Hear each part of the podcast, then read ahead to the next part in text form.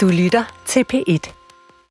Israelske styrker strammer deres greb om Gaza by, og Netanyahu siger, at Israel vil bevare kontrollen med sikkerheden i Gaza efter krigen. Hamas' leder har været i Iran for at tale om krigen, og selvom parterne siger, at de ikke ønsker en udvidelse, så vokser bekymringen for en regional konflikt. Det er nu i verden ifølge Gram.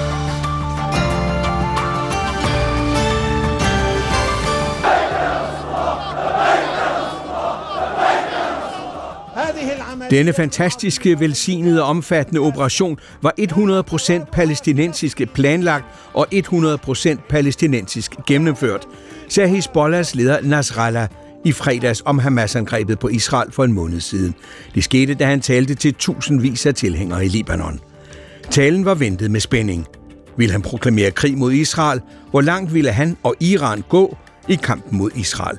I Irak advarede USA's udenrigsminister Blinken i søndags militser allieret med Iran mod at angribe amerikanske interesser i regionen, da han sagde, The threats coming from militia that are aligned with Iran Trusler, der kommer fra militser, der er allieret med Iran, er fuldstændig uacceptable, og vi vil tage alle nødvendige skridt for at beskytte vores folk. Vi ønsker ikke at starte en konflikt med Iran. Det har vi gjort meget klart, men vi vil gøre, hvad der er nødvendigt for at beskytte vores personel, uanset om det er militært eller civilt. uh, be they military or civilian. En måned efter Hamas angreb Israel, strammer israelske styrker grebet om Gaza by, mens ministre og diplomater fortsætter deres forsøg på at lægge låg på krigen, forhandle sig til politiske fordele og forhindre krigen i at udvikle sig til en regional storkrig. I Israel siger Netanyahu, at Israel vil bevare kontrollen med sikkerheden i Gaza efter krigen stopper. Biden-regeringen fortsætter med at lægge pres på Israel for at få humanitær hjælp ind i Gaza, udlændinge ud og gisler frigivet, men USA fortsætter også sin militære bistand til Israel. Men hvad sker der så i regionen? Hisbollahs leder Nasrallah ser ud til at have droppet tanken om krig med Israel, men hvad planlægger Iran? At fortsætte sine aktioner mod USA og Israel via militser – og hvad kan og vil USA stille op, hvis det kommer til konflikt med Iran? Det er verden ifølge Gram. Mit navn er Steffen Gram. Det der med humanitære pauser, det føles som et problem her, før der bliver givet noget ekstra humanitært til den palæstinensiske befolkning. Sådan som det bliver set her fra den her side og fra øh, militæret, som befinder sig på jorden, er der ikke en humanitær krise i Gaza på det her tidspunkt. Der er ikke mangel på mad, der er ikke mangel på medicin, der er ikke mangel på diesel, benzin til de civile. Mm. De humanitære pauser, der, der bliver bedt om, det er som at give Hamas øh, tid til at reorganisere sig. Det sagde Peter Israel, da jeg spurgte ham, hvordan han oplevede udenrigsminister Blinkens krav til Israel om at skabe humanitære pauser, så hjælp kan komme ind i Gaza. Han er dansktalende israeler fra landsbyen Kadima nordøst for Tel Aviv, fra den israelske venstre- og fredsfløj, og vi har talt med ham uge efter uge, siden krigen begyndte. I Ramallah, hovedstaden for det palæstinensiske selvstyre på den besatte Vestbred, bor Huda, en kvinde med mand og to børn, som vi også har talt med siden krigen begyndte. Hendes reaktion på Hezbollah-lederen Nasrallahs tale i fredags var dyb skuffelse. In fact, Nasrallah's speech was very weak. Actually, to be to be honest, we, we laughed. Because, okay, Nasrallahs tale var meget svag. For at være helt ærlig, så grinede vi af den. Alle her i Palæstina og selv Israel kender detaljerne, og det er okay at forklare krigens detaljer for verden. Nasrallah holdt en tale på over en time, uden at komme med nogen beslutninger. Det er okay at komme med detaljer, men bagefter kan du handle. Du kan tage skridt til måske at støtte Gaza, til at få lidt fred eller en lille pause i krigen. Men han sagde ingenting. Så her på gaden ringede vi til hinanden, grinede og sagde, hvad pokker er det her? really do in the streets here. Um, we call each other uh, laughing about what the hell is this? Ja, hvad er det for noget? anne Kirstine Røn, postdoc ved London School of Economics med speciale i Libanon. Du er netop vendt hjem fra en måneds feltarbejde i Libanon og Irak. anne Kirstine, forventningerne var enorme til øh, Nasrallah. Han skulle levere Hezbollahs reaktion på Hamas' angreb på Israel og massakre på de 1400 israelere. Og så Israels massive gengældelse med tusinder af dræbte palæstinenser. Og så kom der en relativt moderat tale. Hvorfor det? Ja, han, han holdt, hvad mange har betegnet som en mere moderat, og for nogle at se jo også, som vi hørte i eksemplet, svag tale. Og det kan ses som et udtryk for, at Hezbollah lige nu forsøger at balancere de risici, kan man sige, der ligger i at involvere sig mere i en regulær krig med Israel. Altså hvis vi tager den værst tænkelige situation først, så vil en eskalering jo kunne udløse en større regional krig, som også i yderste konsekvens vil omfatte USA og Iran og have uoverskuelige følger for regionen. Men selv hvis vi ser bort fra det scenarie, så vil en eskalering af kampene med Israel også kunne tære hårdt på Hezbollahs militær, som de har brugt mange år på at opbygge, og som jo ikke primært er tiltænkt at forsvare palæstinenserne, mm. men derimod Iran og Irans position i regionen og Libanon selv. Og for det sidste, så vil det jo også kunne svække Hezbollahs interne opbakning og legitimitet i Libanon, hvis de civile konsekvenser af en, en krig med Israel bliver for store. Så der er meget på spil for Hezbollah, og det kan forklare, hvorfor de trækker lidt i land med deres retorik og deres uh, gengældelse. Rasmus Elling, Iran-forsker ved Københavns Universitet. Øh, Rasmus, Nasrallah gjorde meget ud af at fortælle, at Hamas' aktion var en ren palæstinensisk aktion, at ingen andre havde været med, men andre spekulerer i, at Hamas ikke ville have gennemført sin aktion, havde Iran ikke været orienteret. Så hvad er Irans interesser i den krig, der raser nu i Gaza? Irans primære interesse er at svække Israel øh, ved at binde Israels ressourcer til den her indre trussel, så Israel ikke kan fokusere på den ydre trussel. Og så samtidig at forsøge at forpure den her normaliseringsproces, der har stået på en række år mellem Saudi-Arabien og Israel. Men på samme tid så kan Iran altså, som vi har hørt her, frelægge sig ansvar ved gang på gang at understrege, at det her det er Hamas' egen suveræne beslutning og handling, og på den måde så får Iran endnu en gang andre til at kæmpe sine kampe, altså krig per sted fortræder. Og Allan Sørensen, mellemøstkorrespondent for Kristelig Dagblad, forfatter og bosat i Haifa i Israel. Allan, nu har USA's udenrigsminister Biden været på rundtur, også i Israel. Blinken har presset Israel. Hvad betyder det for Israels handlefrihed? Hvor lang tid giver det Israel til at knække Hamas' militære kapacitet inde i Gaza? Det giver i hvert fald Israel øh, noget tid endnu. Øhm, der, der er gået en måned siden den øh, 7. Oktober, og Israel øh, føler ikke noget umiddelbart pres fra det internationale samfund, heller ikke fra USA. Men USA har bevæget sig fra Øh, sit standpunkt den 7. Øh, oktober til at have et standpunkt, der mere minder om, at, at presset altså begynder at stige en smule på Israel, og det mærker Israel også, i form af, at Blinken og, og andre fra den amerikanske administration, de beder Israel om de her humanitære pauser. Og det er vi allerede begyndt at se på, på landjorden, altså ikke noget særligt omfattende, men for eksempel, at, at Israel indstiller øh, bombardementerne i nogle timer, nogle særlige timer mellem øh, kl. 10 om morgenen og kl. 1 om eftermiddagen, hvor Gazas befolkning så kan rykke sydpå, og hvor der også hen ad vejen kan komme øh, fødevarer og medicin ind i form af lastbiler fra den egyptiske grænse ind over til Gaza. Så det, det er den nyskabte situation, øh, hvor der altså er, er et begyndende eller et tiltagende øh, amerikansk pres, især på den humanitære front. يا بقية الله إن شاء الله سنبقى مع هارون الزمان مع نائبك بال... Før Nasrallahs tale sendte Hezbollah videotrailer ud om Nasrallah, om Irans leder Khamenei, om den tidligere stormufti af Jerusalem og om martyrerne. Om de, der er blevet dræbt i kamp mod Israel. På billedsiden rykkede Hezbollah militser frem og besejrede fjenden. Det var videotrailer, der lagde op til væbnet kamp.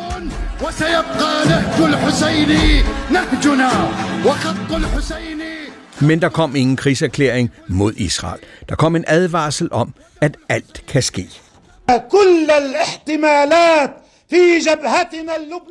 Alle muligheder ved den libanesiske front er åbne. Alt kan ske, og vi er klar til at reagere, hvornår det end måtte være nødvendigt, sagde Nasrallah. Og så hørte vi Huda nærmest, den, øh, den kvinden fra Ramallah, nærmest beklage Nasrallahs tale, selvom han advarede Israel. Hvad skal man lægge i, Anne Kirstine Røn, at hun nærmest beklager hans tale?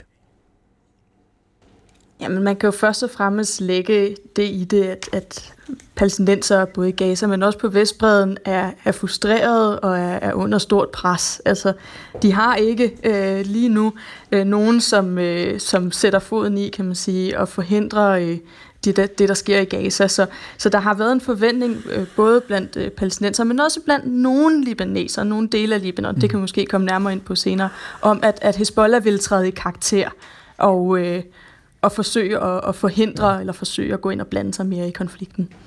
Og så kan jeg bringe spørgsmålet videre. Hvad vil man synes om Nasrallahs tale, hvis man var leder af Hamas? så vil man nok muligvis, og det er jo svært, for jeg er jo ikke inde i hovederne på Hamas' ledere, men man vil nok være en, en anelse skuffet, og det vi har hørt fra Hamas øh, helt fra starten af, af konflikten har jo været, at de har kaldt på deres allierede i regionen og bedt dem om at involvere sig mere.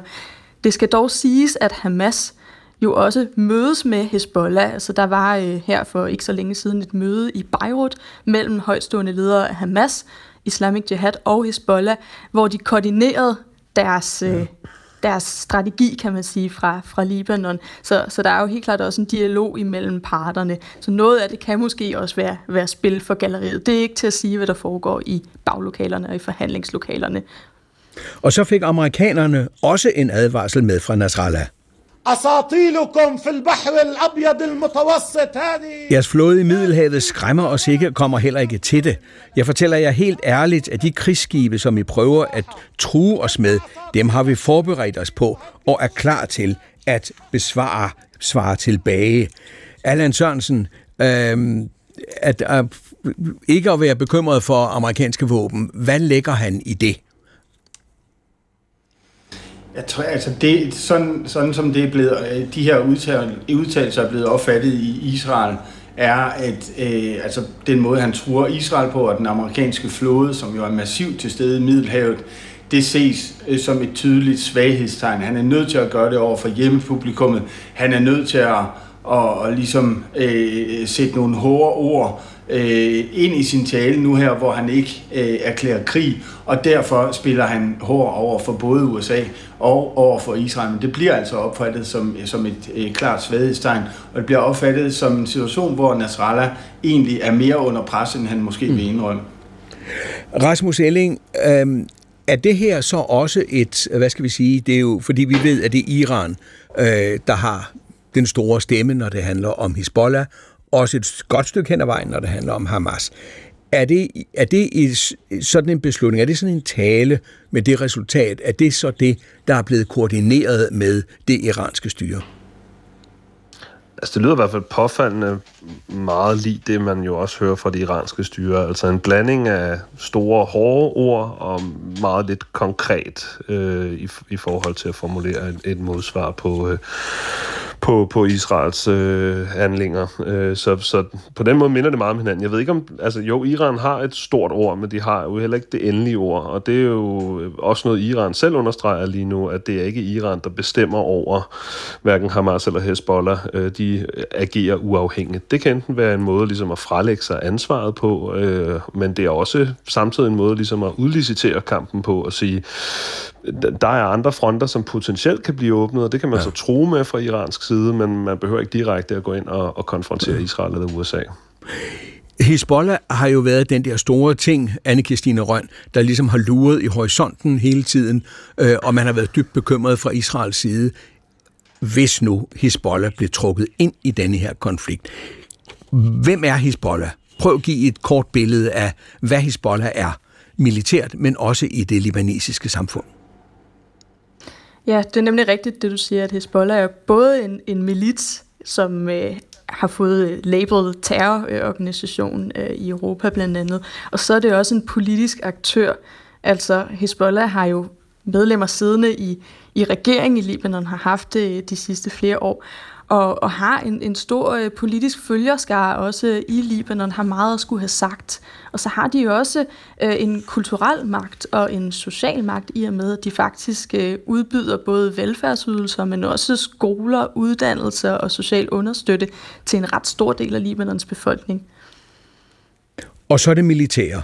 Øh, vi ved, at de ikke mindst fra Iran har fået, nogen taler om 1.500.000 raketter og missiler. Det kan godt være, det er overdrevet, men det er i hvert fald rigtig mange, og man taler om, at de kan rent faktisk nå mål i hele Israel. Hvor stor en militær trussel ser du uh, Hezbollah være for Israel? Jamen, Hezbollah er en betydelig militær trussel på den måde, at de vil kunne påføre Israel nogle, nogle forholdsvis store skader. Altså, der er ikke, der er ikke nogen tvivl om, at, at Israel vil, vil sagtens kunne svare Hezbollah tilbage, og vil sagtens kunne, de siger jo, de vil bombe Libanon tilbage til, til stenalderen nærmest, øh, og de, de vil helt klart have en, en stor effekt på Hezbollah, hvis de går all in. Men Hezbollah har, som du siger, et ret stort arsenal, særligt af de her raketter, som, øh, som anslås til at, at være omkring 100-150.000.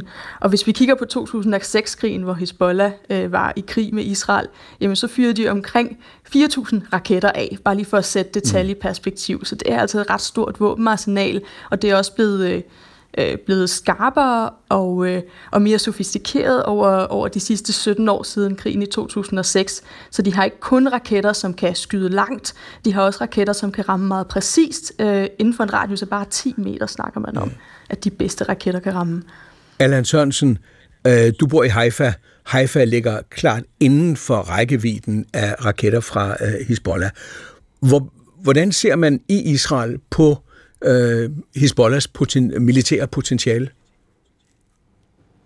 Jamen, det kan allerede mærkes her. Øh, altså, dels hvor jeg er, øh, der har været øh, missiler i nærheden af, af Haifa by, men øh, der er rømmet 70.000 israelske øh, borgere fra det nordlige dele af, af Israel. De er simpelthen rykket længere ned sydpå, øh, og det har de fået besked på fra militærets side, fordi man måske risikerer en, en optrapning af kampene, altså de kampe, der finder sted dagligt øh, i grænselandet mellem Israel og Libanon.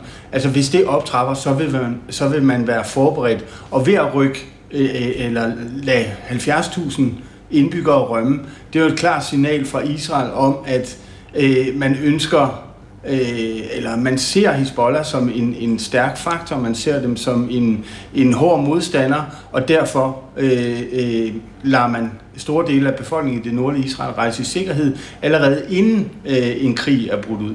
Der er allerede tabstal på begge sider.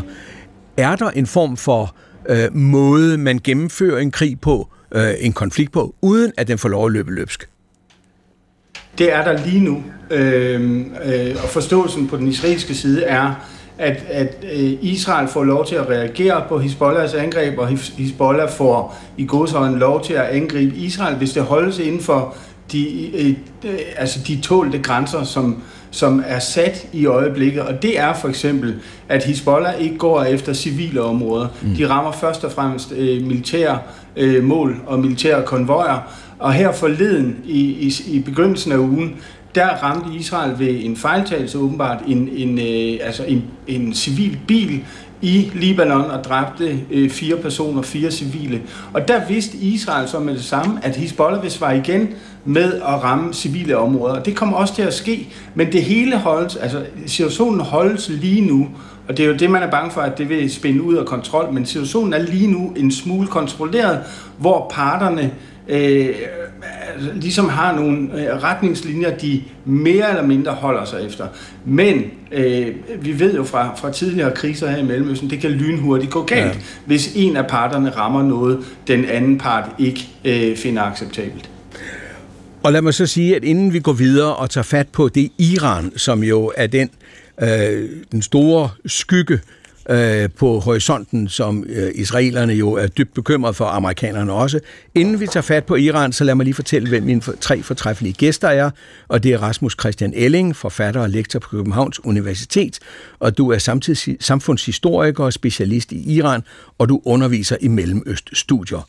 Anne Kirstine Røn, postdoc ved London School of Economics og Political Science, du er Libanon-specialist og har studeret Mellemøstregionen med fokus på især de sociale og politiske forhold, særligt i Libanon, som du netop er vendt hjem fra efter en måneds feltarbejde. Og så Allan Sørensen, Mellemøst-korrespondent for Kristi Dagblad og forfatter. Du bor i Haifa i Israel og har læst Mellemøst-studier på det hebraiske universitet i Jerusalem, og du har fulgt og dækket krigen tæt, og så er du altså specialist i samfundsforholdene i regionen. Det var Iran, der skabte Hezbollah tilbage i 1982 eller lidt før, som et af Ayatollah Khomeinis instrumenter i kampen mod USA og Israel. Hezbollah er i dag det største politiske parti i Libanon.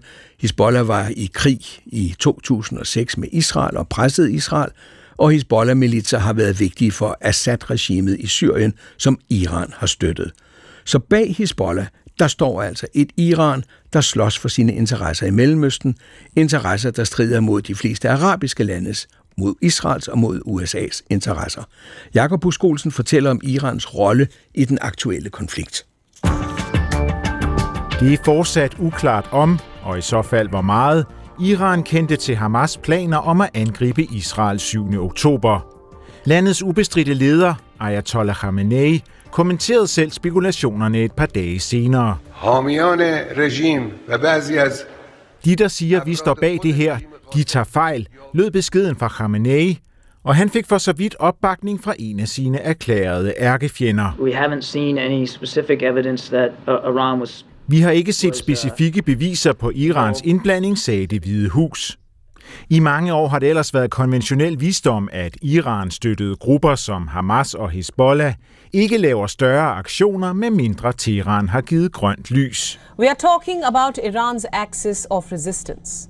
Sammen med blandt andre Shia-militser i Irak og Houthierne i Yemen, er Hamas og Hezbollah dele af det, Iran kalder Axis of Resistance – en akse af stedfortrædere, der kan modarbejde Irans hovedfjender USA og Israel, uden præstestyret selv får skidt på hænderne.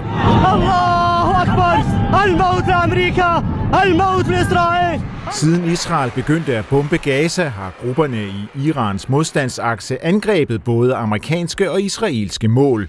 Men ikke i et omfang, der, endnu har været tæt på den store regionale krig, mange frygter. Iran's foreign minister has again warned Israel of harsh consequences if attacks continue on the Gaza Strip.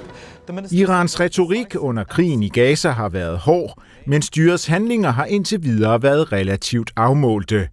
Analytikere siger, at Iran uden tvivl havde en række kortsigtede fordele af Hamas brutale angreb 7. oktober – Israels følelse af militær overlegenhed blev rystet, og en begyndende normalisering af forholdet mellem israelerne og Saudi-Arabien er nu udsat på ubestemt tid. Another deadly day as Israelis prime minister vowed to, quote, crush and destroy Hamas. The war Men i et lidt længere perspektiv ser billedet noget mere usikkert ud for Iran og deres axis of resistance.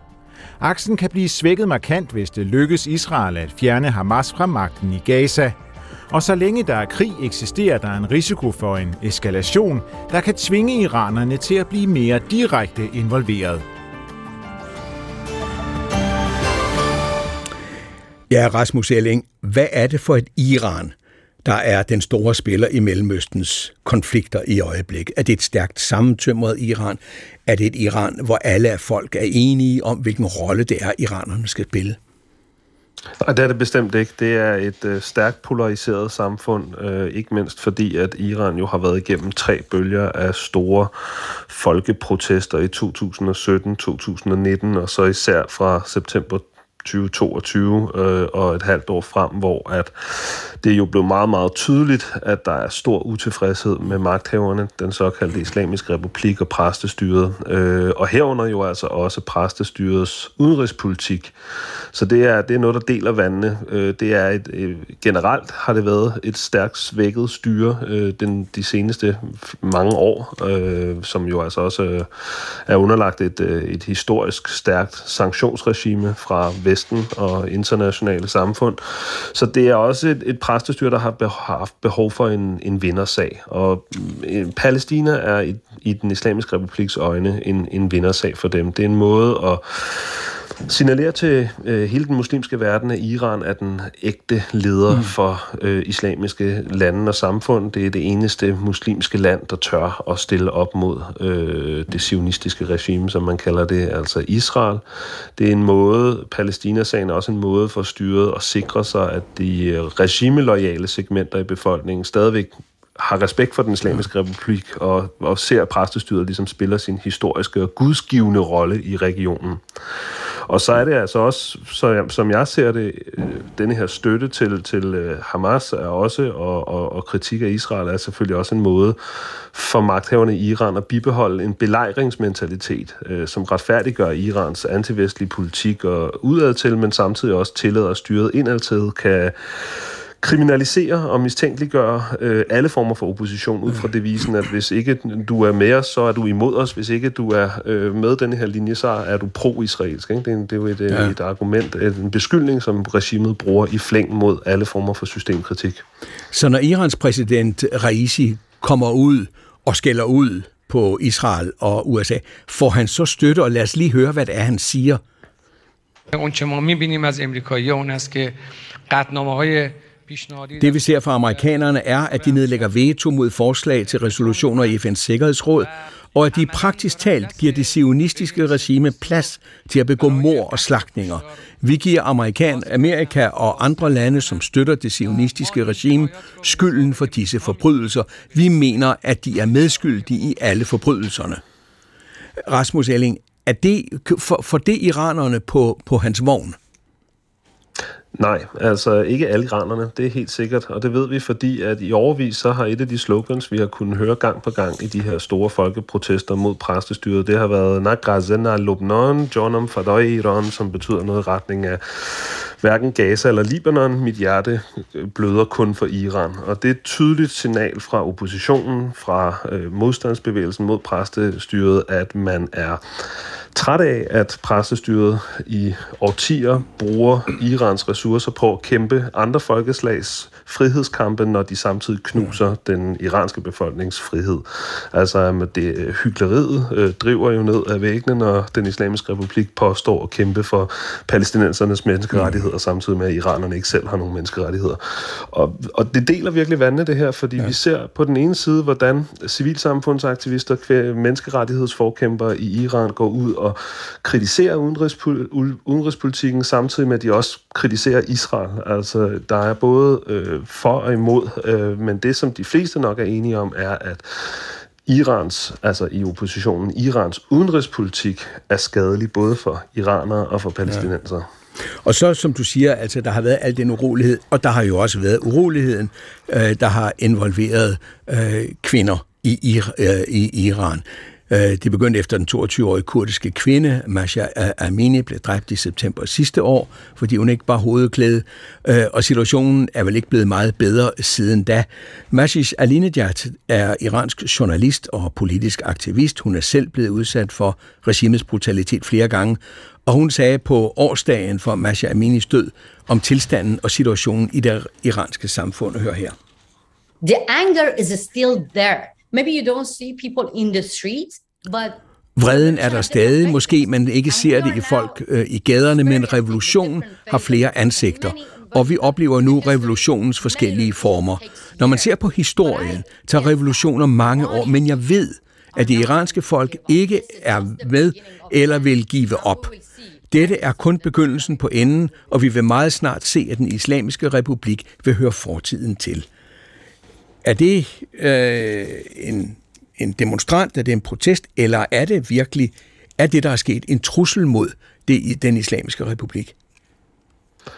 Det er en trussel mod den islamiske republik, fordi at, øh, altså, protestbevægelsen har vist, at der er bred modstand mod den vision for Irans fremtid, som den islamiske republik står for, altså en isos, isolationistisk, antivestlig, øh, kul- øh, islamistisk politik. Altså, det, der er ligesom, det er blevet slået fast med, med syvtommersøm, at en stor del af befolkningen ikke vil, vil acceptere det ideologiske præmis for præstestyret.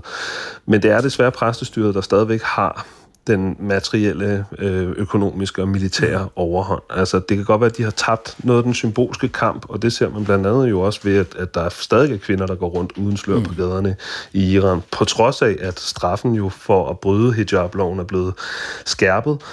Øh, men, men, men på kort sigt, der er det altså der er det præstestyret, der sidder på magten, og de øh, kan godt bruge en ekstern konflikt, øh, så længe den er på sikker afstand over i Israel og Palæstina, til at henlede opmærksomheden mod det, og ligesom at sige, en hver form for modstand indefra er så også en støtte til, til Israel.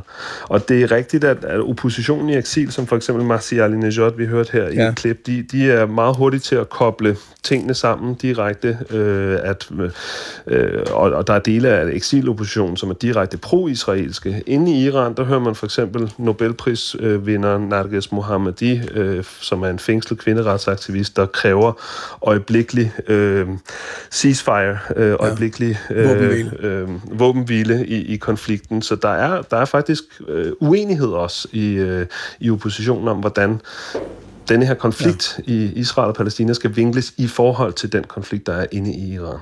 Hvordan, hvordan ser man, Allan Sørensen, på de her interne øh, forhold i Iran, i Israel? Dem er man meget opmærksom på, og man har i Israel spurgt sig selv gennem, gennem årene, altså nærmest de, de seneste 20 år, hvordan øh, kan man støtte det her interne is, øh, iranske oprør, sådan at man øh, kommer af med Ayatollah-styret i, i Teheran. Og det er ikke lykkes endnu, men jeg vil sige, at, at israelerne blev overrasket den 7. oktober, men Israel er i gang med at vente til egen fordel, på, forstået på den måde, at overordnet set, for at, at, at, at modsætte sig den inddæmning, øh, Iran har påført øh, Israel, altså ved at omringe Israel med Hamas, Hezbollah, Houthi-bevægelsen i, i, øh, i Yemen og shia i Irak og også dele af Syrien, så vil Israel, øh, altså det er som om Israel begiver sig ud på et eventyr, der, der er det stik modsatte. Altså ved først at, at gøre op med Hamas, altså få mm. elimineret Hamas i Gaza, og så måske derefter øh, kap den anden af, af Irans øh, fangearm i regionen, altså Hezbollah, kap den arm af Iran også.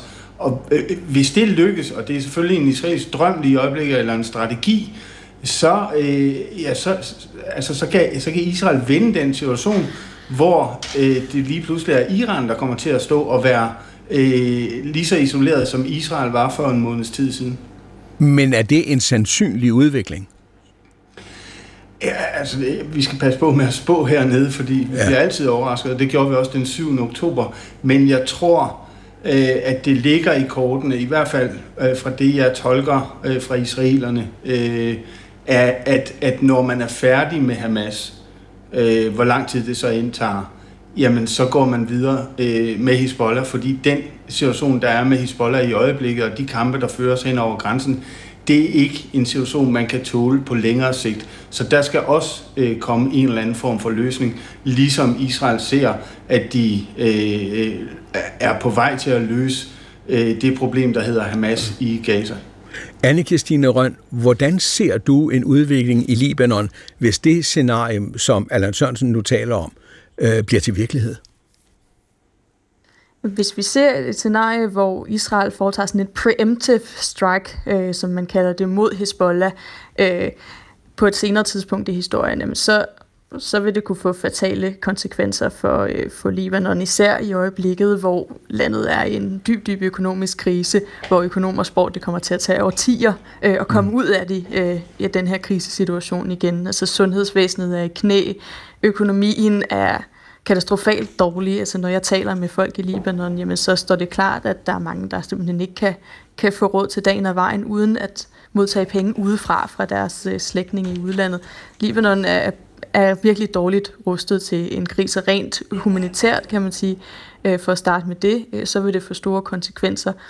Men vi skal jo også hæfte os ved, at det Hezbollah har sagt, det Hassan Nasrallah var ude at sige i sin tale, det var, at de kortsigtede mål for organisationen, et af de primære kortsigtede mål, det er at sikre, at Hamas overlever i Gaza. Så spørgsmålet er, om Hezbollah og Iran er klar til, fordi det siger de jo selv, at gå så meget ind i krigen, at det faktisk ikke vil kunne lykkes Israel at øh, slå øh, vippe Hamas af pinden. Hvornår vil den grænse, hvornår vil man nå den grænse, hvor man så kan sige, at Hezbollah øh, med støtte fra Iran vil blande sig i, hvad der foregår? Det er jo det, alle sidder og, og bryder deres hoveder med lige nu, fordi som, som vi snakkede om helt i starten, så var Hassan, Nasrallah ta- Hassan Nasrallahs tale en anelse vag, mm. når det kom til de, de her løfter omkring øget engagement. Øh, men det er klart, øh, hvis vi skal tro øh, Hezbollahs egne ord, jamen så vil de ikke tillade, at Israel eliminerer Hamas. Så der har de jo sådan set sagt, at de står klar til at gå ind og forsvare Hamas i et eller andet omfang, men hvordan de vil gøre det, øh, hvor meget de vil gøre det, det ved vi ikke endnu. Nu holder Hassan Nasrallah faktisk en tale her på lørdag, har han øh, været ude og melde. Så der kan det være, at der kommer nogle lidt mere klare retningslinjer fra Hezbollahs side af. Men, men indtil videre, så, så ved vi ikke, hvad præcis det er, Hezbollah har tænkt sig at gøre, hvis Hamas bliver tvunget i knæ, altså tvunget til en position, hvor de ikke kan forsvare sig endnu.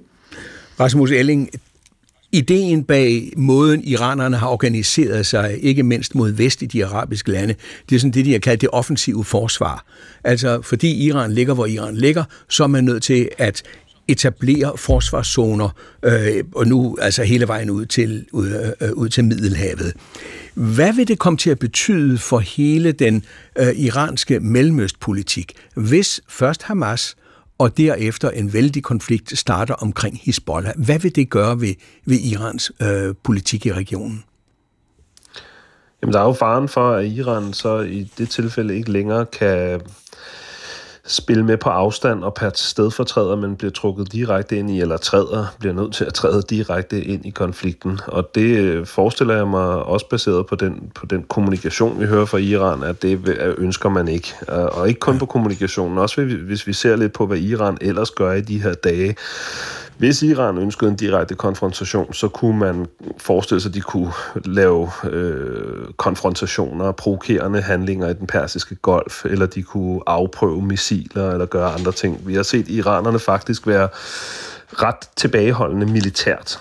Og de er jo selvfølgelig dybt involveret, som vi har været inde på flere gange, med deres økonomiske og militære og symbolske støtte, både til Hamas, islamisk jihad i, i Palæstina, men også til Hezbollah i, Irak, øh, i Libanon og til shiitiske militser i, i Irak og Houthierne i Yemen osv. Men direkte militær konfrontation mellem Iran og Israel vil jo ikke øh, se kønt ud på nogen måde, og det er ikke noget, jeg forestiller mig umiddelbart, at Iran kunne ønske sig. Er man godt i Iran klar over, eller lytter man til, når amerikanerne siger, lad være med at angribe vores folk, det kan være sig inde i Irak, det kan være i Syrien, lad være med at angribe dem, og vi er under ingen omstændighed interesseret i en konflikt med Iran. Er det et budskab, som de lytter til i Teheran? Det tror jeg, men spørgsmålet er jo også, altså i, i hvor høj grad kan Teheran kontrollere deres, ja. deres øh, allierede og stedfortrædere? Altså vi ved jo, at der, der Øh, der har igennem tiden været eksempler øh, på uenighed. Det er jo ikke bare en klokkeklar, stålfast alliance af formel karakter. Det er en, en løst sammensat alliance. Øh, den, det tætteste Iran kommer på en egentlig allieret er jo nok Assad-regimet i Syrien, hvorimod mange af de her ikke-statslige aktører jo spiller under nogle andre regler, og, og, og tingene kan ændre sig meget hurtigt. Og så er der altså også skal vi lige huske at nævne også ideologiske og sekteriske forskelle mellem for eksempel et sunni-ekstremistisk Hamas og så et shia-muslimsk Iran. Hvor svært er det for Iran at forholde sig til USA? Fordi man har haft øh, op gennem Obama-årene, der havde man forhandlinger, man nåede frem til en atomaftale, det blev pillet af bordet af, øh, af Donald Trump. Øh, nu er man i en situation, hvor øh, Biden-regeringen har forsøgt at drosle konflikten ned. Man fik frigivet, indtil man frøs dem fast igen, 6 milliarder dollar. Øh, nu er der krav i USA om, øh, at hvis der bare er én amerikaner, der bliver dræbt af et iransk støttet milits, så skal man angribe selve Iran. Hvordan forholder man sig til det i Iran? Er man klar over, hvor stærke kræfter der er i USA, som øh, ønsker en konflikt med Iran? Ja, naturligvis. naturligvis. Altså, øh, i, i Iran, de, de holder, man holder sig orienteret i den islamiske republik om, hvad der, hvad der sker i USA, og, og det er ikke sikkert, at Iran overhovedet kan styre den her konflikt øh, til, til egen fordel, men sådan som magthaverne i den islamiske republik ser på det her, så er de allerede i krig med Israel og, og USA. Det er en ukonventionel, indirekte krig. Den foregår igennem cyberangreb og snimor på atomforskere, militære generaler osv. Det er en indirekte krig, men den er i gang, og den har været i gang længe. Sådan er det med, med, med den islamiske republiks øjne. Men jeg tror stadigvæk, at man vil for, forsøge at undgå, at den konflikt skal gå ind i en direkte konfrontationsfase. Øh, fordi det er jo altså en konfrontation, som, som Iran jo øh, nok ikke vil kunne vinde på nogen måde. Og lad os så gå skridtet videre og tale om, hvad der rent faktisk sker. Vi har hørt, at øh, Hezbollah nu og Nasrallah har sagt, at øh, man kan ikke acceptere, at Hamas bliver knust. Men vi har også i dag hørt øh, Benjamin Netanyahu øh, sige, hvad han agt, faktisk øh, agter at gøre efter krigen er slut. Lad os høre. Uh, I think Israel will, for uh, an indefinite period will have. Jeg tror, at Israel i en ubestemt periode vil have det overordnede sikkerhedsansvar, fordi vi har set, hvad der sker, når vi ikke har det. Når vi ikke har det sikkerhedsansvar, så har vi i stedet udbrud af Hamas-terror i et omfang, vi ikke kunne forestille os. Allan Sørensen, er det et... Det, det er jo første gang, vi hører Netanyahu sige det. Det er også et udsagn, der strider mod det, for eksempel amerikanerne har opfordret til, og vel også mange israelere. Øh, jeg kan da huske tilbage, da israelerne stadigvæk var inde i Gaza. Det synes man altså ikke om. Vil man det igen? Nej, og, og det, det vil man ikke. Øh, der er måske nogle yderliggående øh, ministre i Netanyahus regering, der, der drømmer om det, altså at genbesætte dele af Gaza. Men øh, størstedelen af, af Israel øh, øh ønsker ikke at se det scenarie gentage sig. Spørgsmålet er, hvad, hvad der ligger i Netanyahus ord her, fordi han kommer ikke med nogen øh, beskrivelse, han kommer ikke med nogen detaljer, og øh, efter det her ABC-interview, øh, der har han gentaget det samme over for israelske medier øh, øh, i løbet af tirsdagen også. Øh, og det, øh, altså han kommer ikke umiddelbart med detaljer, så vi ved ikke, hvad det her, den her midlertidige, øh, enten midlertidig tilstedeværelse eller kontrol, øh, sikkerhedskontrol af Gaza, hvad det vil betyde. Men altså hvis vi træder et skridt tilbage og ser, hvordan Israel kontrollerede Gaza før øh, den 7. oktober, jamen så stod Israel jo for alt. Altså Israel kontrollerede alt, alle de øh, produkter og varer, der kom ind i Gaza, og det var Israel, der gav tilladelserne. Og det er jo en, en, en ret intens kontrol. Og alligevel lykkedes det Hamas at, at bygge det her øh, tunnelnetværk for eksempel og, og, og en infrastruktur. Spørgsmålet er, hvad, hvad Netanyahu virkelig øh, lægger i det. Altså hvis, vil, han, vil Israel fremover samarbejde med nogle øh, arabiske lande, for eksempel et, et større samarbejde med Ægypten, hvor der simpelthen bliver tjekket, at, øh, eller der, der kommer en eller anden form for kontrol med alt det, der strømmer ind i Gaza, og der skal være en intern kontrol med, og der, her er spørgsmålet så, hvem skal kontrollere Gaza, hvis, hvis Hamas ikke skal kontrollere Gaza. Så der er mange øh, ukendte øh, faktorer i, i den her Netanyahu-udmelding. Og især israelerne venter på at få noget mere kød på den her, øh, altså få nogle flere detaljer på, fordi de ikke rigtig selv ved, hvad det betyder. Men hvis spørgsmålet er, om det betyder en besættelse, en genbesættelse af Gaza, eller øh, bare i godsøjen bare Israels sikkerhedskontrol af Gaza, jamen så ønsker Israel at lægge sig op af det, der hedder en, en, en eller anden form for sikkerhedskontrol. Og det vil sige, at man vil have militær til stede, og det vil sige, at øh, en væbnet konflikt i virkeligheden vil fortsætte. Eller at man gør det via stedfortræder. Altså, og hvem skulle det som, være? Øh, ja, øh, mit bud er lige så godt som dit. Øh, altså enten arabiske aktører, ja. FN, øh, amerikansk, egyptisk kontrol på en eller anden måde i grænseområdet, så det ikke bliver direkte mellem Israel og øh, Gaza. Men det kommer igen, det kommer an på, hvem det er, der kommer til at sidde på magten inde, inde i Gaza. Er det øh, altså bliver det det palæstinensiske selvstyre, altså regeringen i Ramallah, bliver den flyttet øh, til Gaza? Er det den, der får lov til at regere fremover? Eller er det en samlet, en eller anden form for øh, samlet arabisk øh, indsats, som øh, agerer regering over for den palæstinensiske befolkning i Gaza. Vi aner det ikke på nuværende tidspunkt. Og det eneste øh, bud, vi har her, det er altså Netanyahu, der kommer ud og, og siger det her. Men jeg tror også, det hænger sammen med, at Netanyahu og, og, øh, og Joe Biden og den, den amerikanske administration, administration de, de, de kæmper en kamp om at få formuleret, hvad der egentlig er bedst efter Hamas, altså når Hamas er væltet, hvad skal der så ske i Gaza? Jeg ved, at amerikanerne virkelig stiller det her spørgsmål til israelerne nærmest morgen, middag og aften. Og jeg tror, Netanyahus udtalelser hænger sammen med, at Israel ikke på nuværende tidspunkt har en særlig øh, detaljeret plan, ja. altså fordi tingene er gået så stærkt, øh, som de er siden den, øh, den 7. oktober. Rasmus Elling, efter det, der nu sker i, i Gaza, vil det være acceptabelt for Iran, hvis Hamas bliver fjernet fra magten, og at andre overtager kontrollen med Gaza? Hvem det så end kan være. Det kan være Ægypten, det kan være FN, øhm, det kan være andre arabiske, den arabiske liga.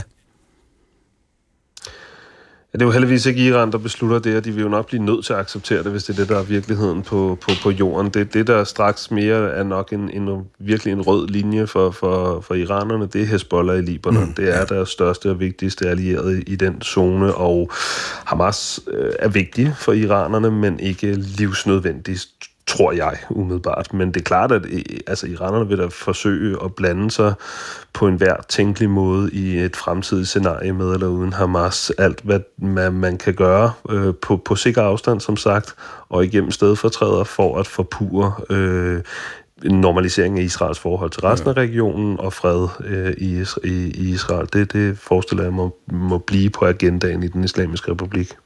Anne-Kristine Røn, ser, kan, ser du for dig, at det palæstinensiske selvstyre, PA, Mahmoud Abbas, som jo er vældig upopulært på Vestbreden, som mange palæstinenser ikke har meget respekt for, at, et, at PA kan komme ind igen, det palæstinensiske selvstyre, som en magtfaktor, der kan være med til at styre et område som Gaza, hvor man blev smidt ud nu for, hvad, øh, 16-17 år siden.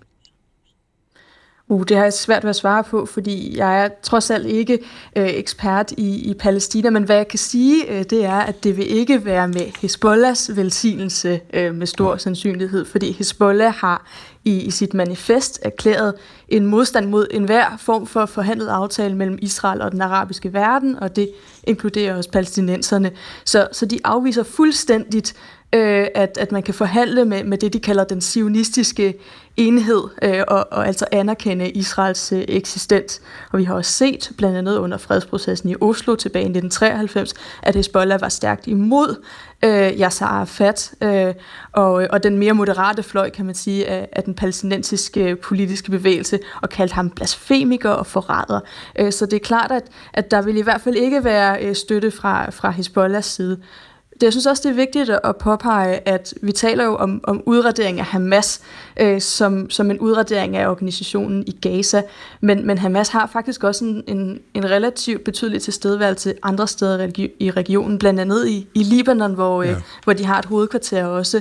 Så, så bare fordi man bekæmper Hamas og, og øh, har succes med det i Gaza, så betyder det faktisk ikke, at man udsletter hele øh, organisationen. Det er også vigtigt at, at påpege. Så det vil sige, at den vil stadigvæk være til stede og kan kæmpe andre steder fra? Det er i hvert fald et muligt scenarie. Det er også et muligt scenarie, at nogle af de Hamas-krigere, som øh, overlever i, i Gaza, at, at de så vil, vil tage andre steder hen og prøve at organisere sig der. Samtidig med, at det jo også er muligt, at, at vi ser en radikalisering af palæstinenser, for eksempel i libanesiske flygtningelejre. Ja. Øh, der er nogle af dem, som holder med Fatah, altså øh, PLO-delen øh, ja. af, af den palæstinensiske, ja. ja lige præcis.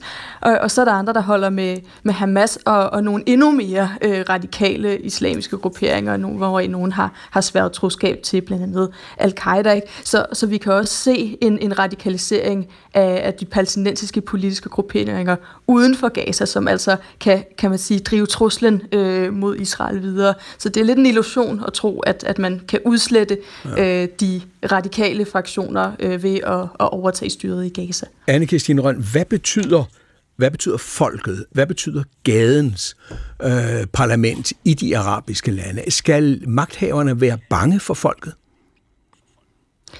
Hezbollah har faktisk nogle grunde til at være bekymret for, for den folkelige opinion. Og, og her skal det siges, at, at Libanon er jo et, et splittet land, så øh, først og fremmest er befolkningen jo udgjort af forskellige religiøse grupper, og, og der er Hezbollah primært populær blandt shiiterne, som altså udgør knap en tredjedel.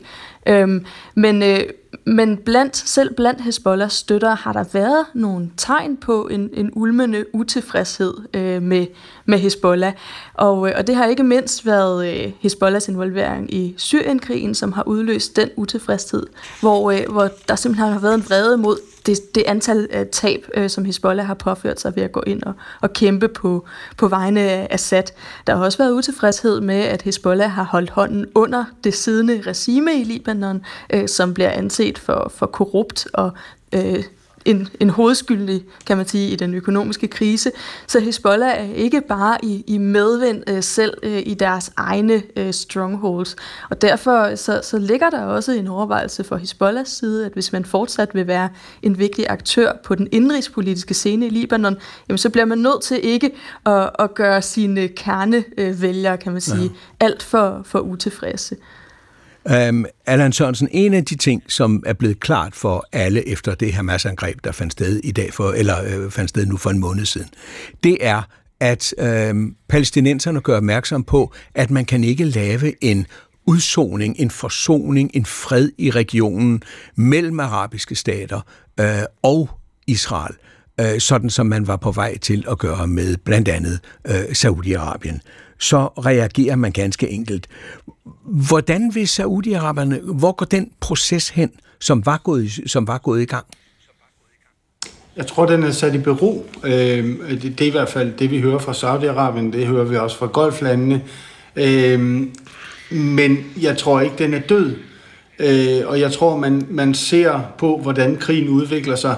Læg mærke til, at den kritik, der kommer fra Øh, ikke bare Saudi-Arabien, men flere af de arabiske lande, den er faktisk altså historisk blød over for Israel. Den er ikke særlig hård.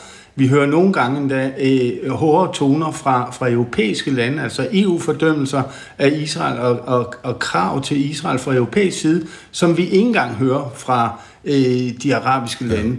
Øh, og det, det, det synes jeg virkelig, det er værd at, at bide mærke i, og det, det, det er jo noget, der viser, at der er sket et skred og at, at, at den, øh, de tilnærmelser, der, der ligesom var på vej mellem Israel og Saudi-Arabien, at de øh, udsprang af noget ægte, altså de, der, var, der var grundlag for det, og det er der sådan set stadigvæk, også selvom det er sat i bero. Så jeg tror, at øh, parterne ser tiden an, og, og, og venter til krigens, øh, eller til at se krigens resultat, og så eventuelt øh, fortsætte forhandlingerne bagefter. Rasmus Elling, er det netop den udsoning, den forbrødring mellem Israel og en række af de arabiske lande, som Iran for alt i verden vil undgå? Jeg tror, at den islamiske republik i Iran vil, vil prøve at undgå den, men jeg har svært ved at forestille mig, at de, at de helt ærligt inderst inden tror, at de kan. Altså mm. Israel at Israels eksistens er en selvfølge. Selv i de vildeste anti-israelske fantasier, man måtte nære i, i den islamiske republik, så ved man godt, at, at Israel er en del af det fremtidige billede i regionen, naturligvis og selvfølgelig. Og øh, Saudi-Arabien har jo vist ret tydeligt igennem årene, at, at det, de forestiller sig en fremtid, hvor at Israel er en, en handelspartner og en allieret, og det, jeg tror, jeg tror lige nu, der ser meget, meget af øh, det her ser meget drastisk ændret ud, men, men jeg forestiller mig, at, at Iran godt ved, at det kan godt komme tilbage til, til en normaliseringsproces mellem de lande, og at Iran igen må forholde sig til den virkelighed. Iran vil forsøge at forpure den, de vil forsøge at gøre, hvad de kan for at, at være en spoiler øh, på vejen, men jeg øh, forestiller mig ikke, at de er i stand til på lang sigt at, at, at være den, øh, den ultimative, hvad kan man sige, modstand mod Israel, øh, som, som man ellers signalerer der med retorikken. Og nu tog vi så hul på fremtiden. Jeg spurgte også Huda, hvordan hun ser fremtiden folde sig ud. We all hope that uh, we have a freedom We seek to, to that thing. Vi håber alle, vi får den frihed, som vi søger efter. Frihed til at gøre ting og til at leve i fred, som alle andre nationer. Vi og vores forfædre er trætte. Trætte af denne tilstand af ustabilitet, af usikkerhed. Vi er udmattede, vores kroppe er udmattet, og vores tilstand er virkelig dårlig. Så hvad vi virkelig ønsker, og hvad vi virkelig håber, er bare frihed, intet andet end bare at leve i frihed. Det, jeg forventer, er, at der vil ske, er ikke det samme som det, vi håber, fordi det her er en ulige krig mellem Palæstina og Israel. Because um, actually the um, the um, the unequal uh, war between Palestine and Israel is clearly uh, unequal. Og Peter Israel ser en anden fremtid, mere optimistisk, mere positiv i morgen tager jeg ned for at hjælpe med at plante tomater nede sydpå på en af de kibbutzer, der ja. ligger meget nær ved grænsen. Det er en positiv handling. Det er en handling, der siger, at du kan se fremtiden i møde. Hvis du planter, så, så, så er det fordi, du vil plukke frugterne en gang i fremtiden, og det gør man jo kun, hvis man har håb om, at der er ingen fremtid. Og det var dagens Verden ifølge Gram. Tak til mine gæster, Rasmus Christian Elling, anne Kirstine Røn og Allan Sørensen. Jakob Busk Olsen og Josefine Moltejsen var med i redaktionen af dagens programmer. Teknikken stod Thorsten Christiansen for. Send os gerne mails, send den til gramsnabelag.dk øh, om forslag til nye programmer eller andet, der måtte ligge jer på sinde. Og fik ikke det hele med, så klik ind på DR's app på DR Lyd, find P1, Verden ifølge Gram og det eller de programmer, I gerne vil høre. Vi er tilbage i næste uge. Hvad vi ser på, det ved vi ikke endnu, men på genhør.